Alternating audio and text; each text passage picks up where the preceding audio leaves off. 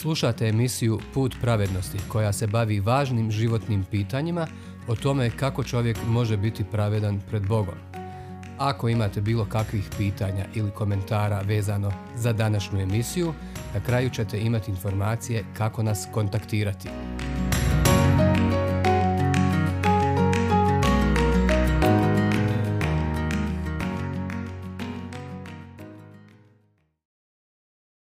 Isusov ulazak u Jeruzalem.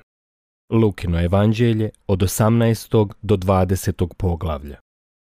U prethodnoj emisiji smo čitali i razmatrali tekstove Inđila o tome kako je Gospod Isus oživio mrtvaca koji je bio četiri dana u grobu. Sila smrti nije ništa za njega. On je jači, jer je, kako reče sam, uskrsenje i život. Danas nastavljamo proučavanje o Isusovom ulasku u Jeruzalem gdje će ga i ubiti. Gospod je znao šta ga čeka tamo. Znao je da su se vjerske vođe dogovorile da će ga smaknuti, da će ga zajedno sa Rimljanima mučiti i razapeti na krst. Pa ipak, znajući sve to, nije oklijevao da dođe u tadašnju prestonicu. Inđil nam kaže Kad su se navršili dani da bude uznesen, krenu Isus sa svom odlučnošću prema Jeruzalemu. Lukino evanđelje, 9. glava, 51. stih. Odakle Isusu takva odlučnost? Želio je da se žrtvuje za one koji su željeli da ga ubiju. Kako je to čudesno! Da li bismo mi to uradili? Da li bismo otišli negdje gdje nas čeka zavjera, hapšenje i smrt? A baš to je Isus uradio. Znao je zašto je došao, zašto se rodio, da umre kao žrtva za grijehe svijeta. Nije došao uživati, živjeti po svome, već ispuniti ono što su proroci davno, davno napisali za njega. A šta to? Da će Mesija postradati, da će proliti krv izvan Jeruzalema na gori gdje je Abraham davno, davno umjesto sina žrtvovao Bogu ovna. To je bio simbol, baš ovoga što se sada ispunjava u Isusu.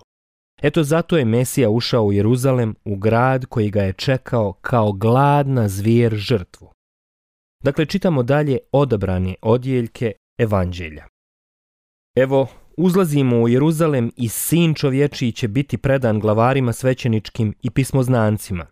Osudit će ga na smrt, predati poganima, izrugati i popljuvati.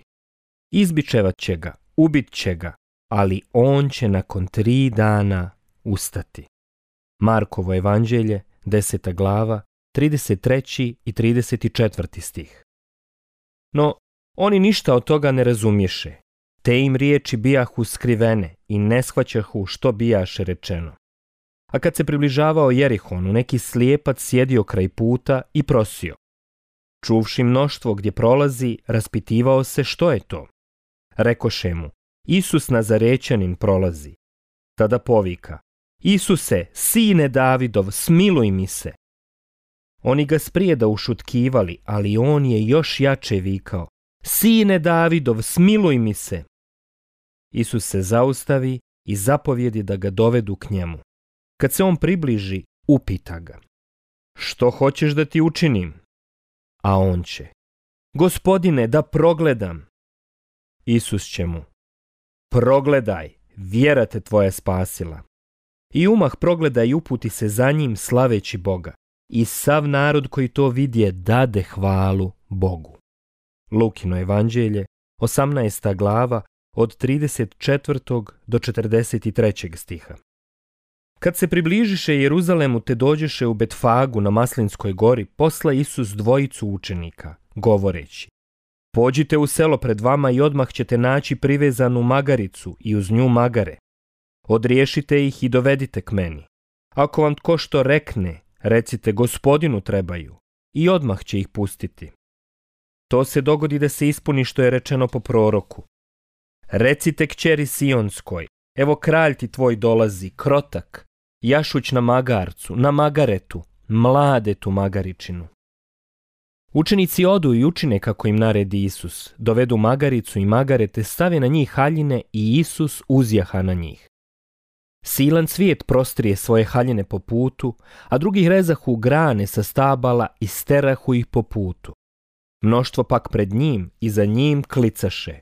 Hosana sinu Davidovu, blagoslovljen onaj koji dolazi u ime gospodnje, Hosana u visinama. Matejevo evanđelje, 21. glava od 1. do 9. stiha. Na tomu neki farizeji iz mnoštva rekoše, Učitelju, prekori svoje učenike. On odgovori. Kažem vam, ako ovi ušute, kamenje će vikati. Kad se približi i ugleda grad, zaplaka nad njim govoreći. O, kad bi i ti u ovaj dan spoznao što je za tvoj mir, ali sada je sakriveno tvojim očima. Doći će dani na tebe kad će te neprijatelji tvoji opkoliti opkopom, okružit će te i pritjesniti odasvud smrskat će o zemlju tebe i djecu tvoju u tebi.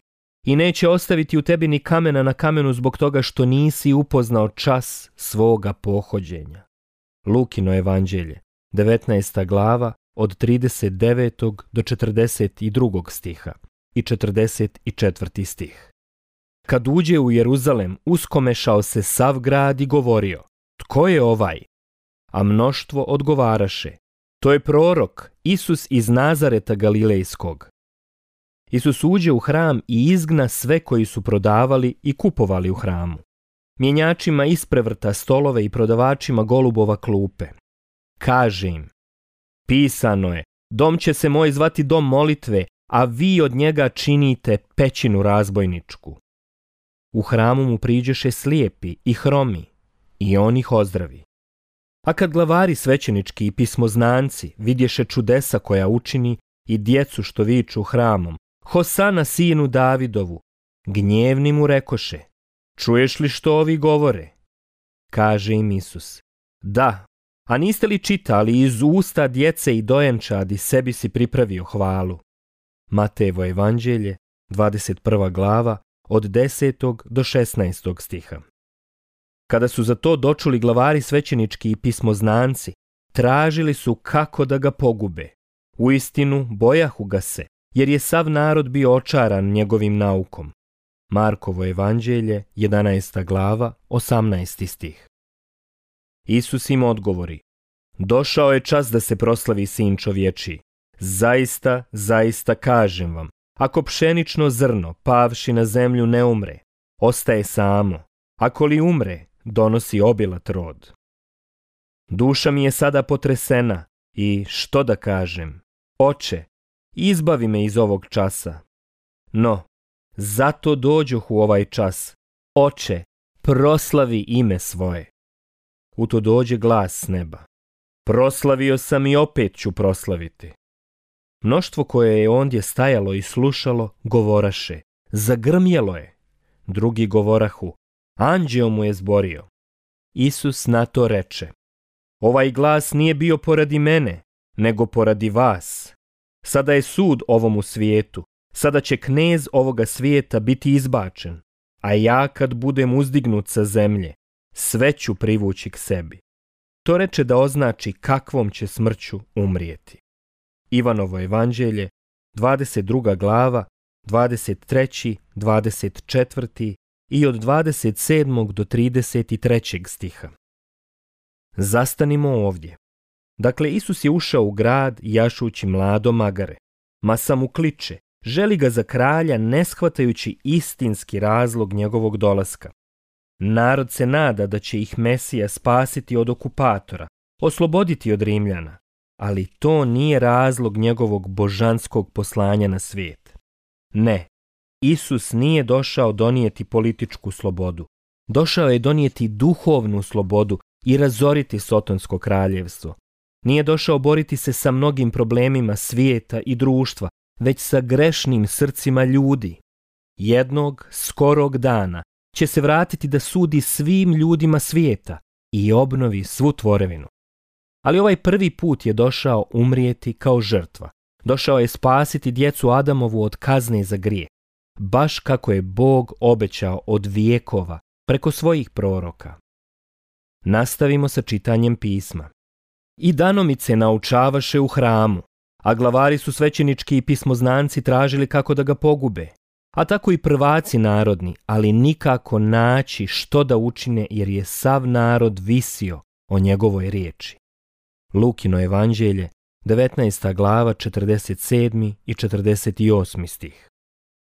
Jednog dana dok je naučavao narod u hramu i navještao evanđelje, ispriječe se glavari svećenički i pismoznanci sa starješinama pa mu dobace. Reci nam kojom vlašću to činiš ili tko ti dade tu vlast? On odgovori.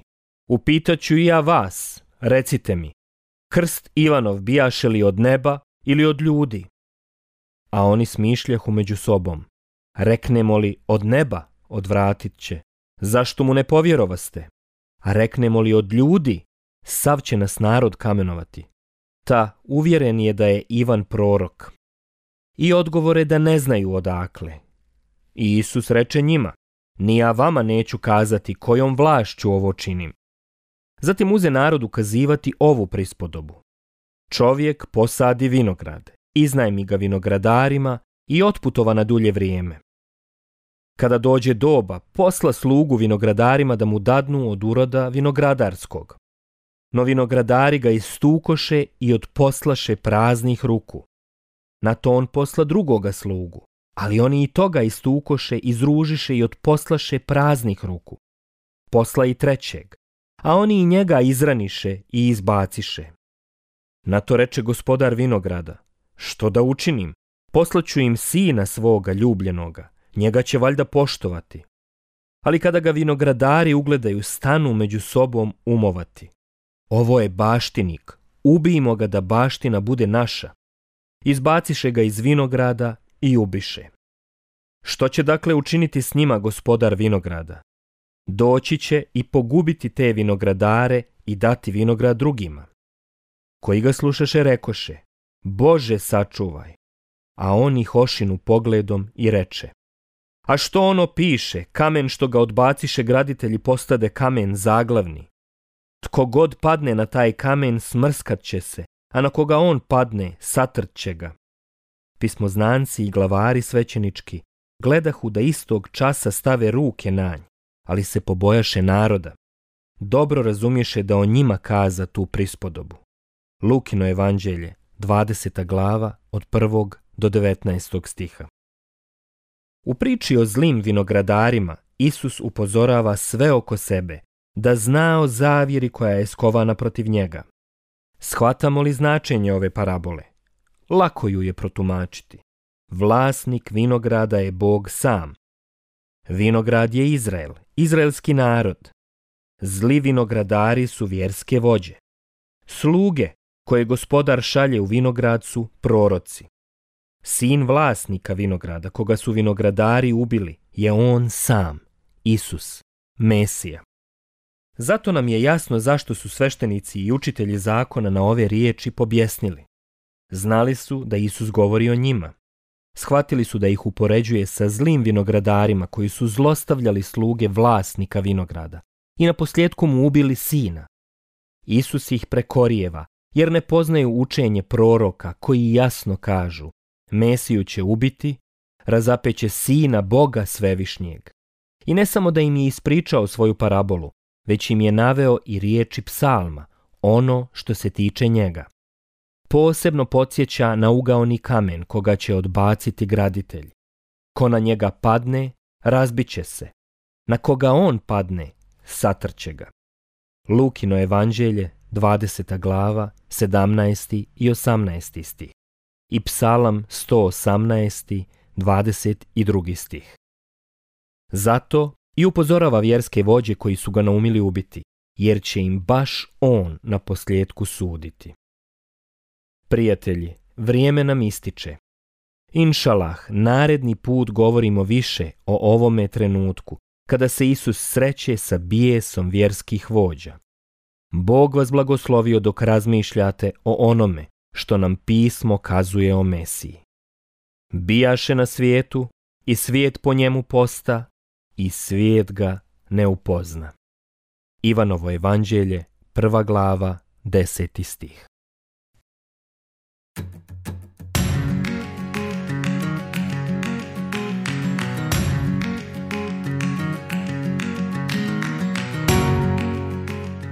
Hvala vam što ste slušali današnju emisiju. Kontaktirajte nas putem našeg e-maila putpravednosti.bih.gmail.com ili putem naše Facebook stranice Put pravednosti. Do sljedećeg slušanja.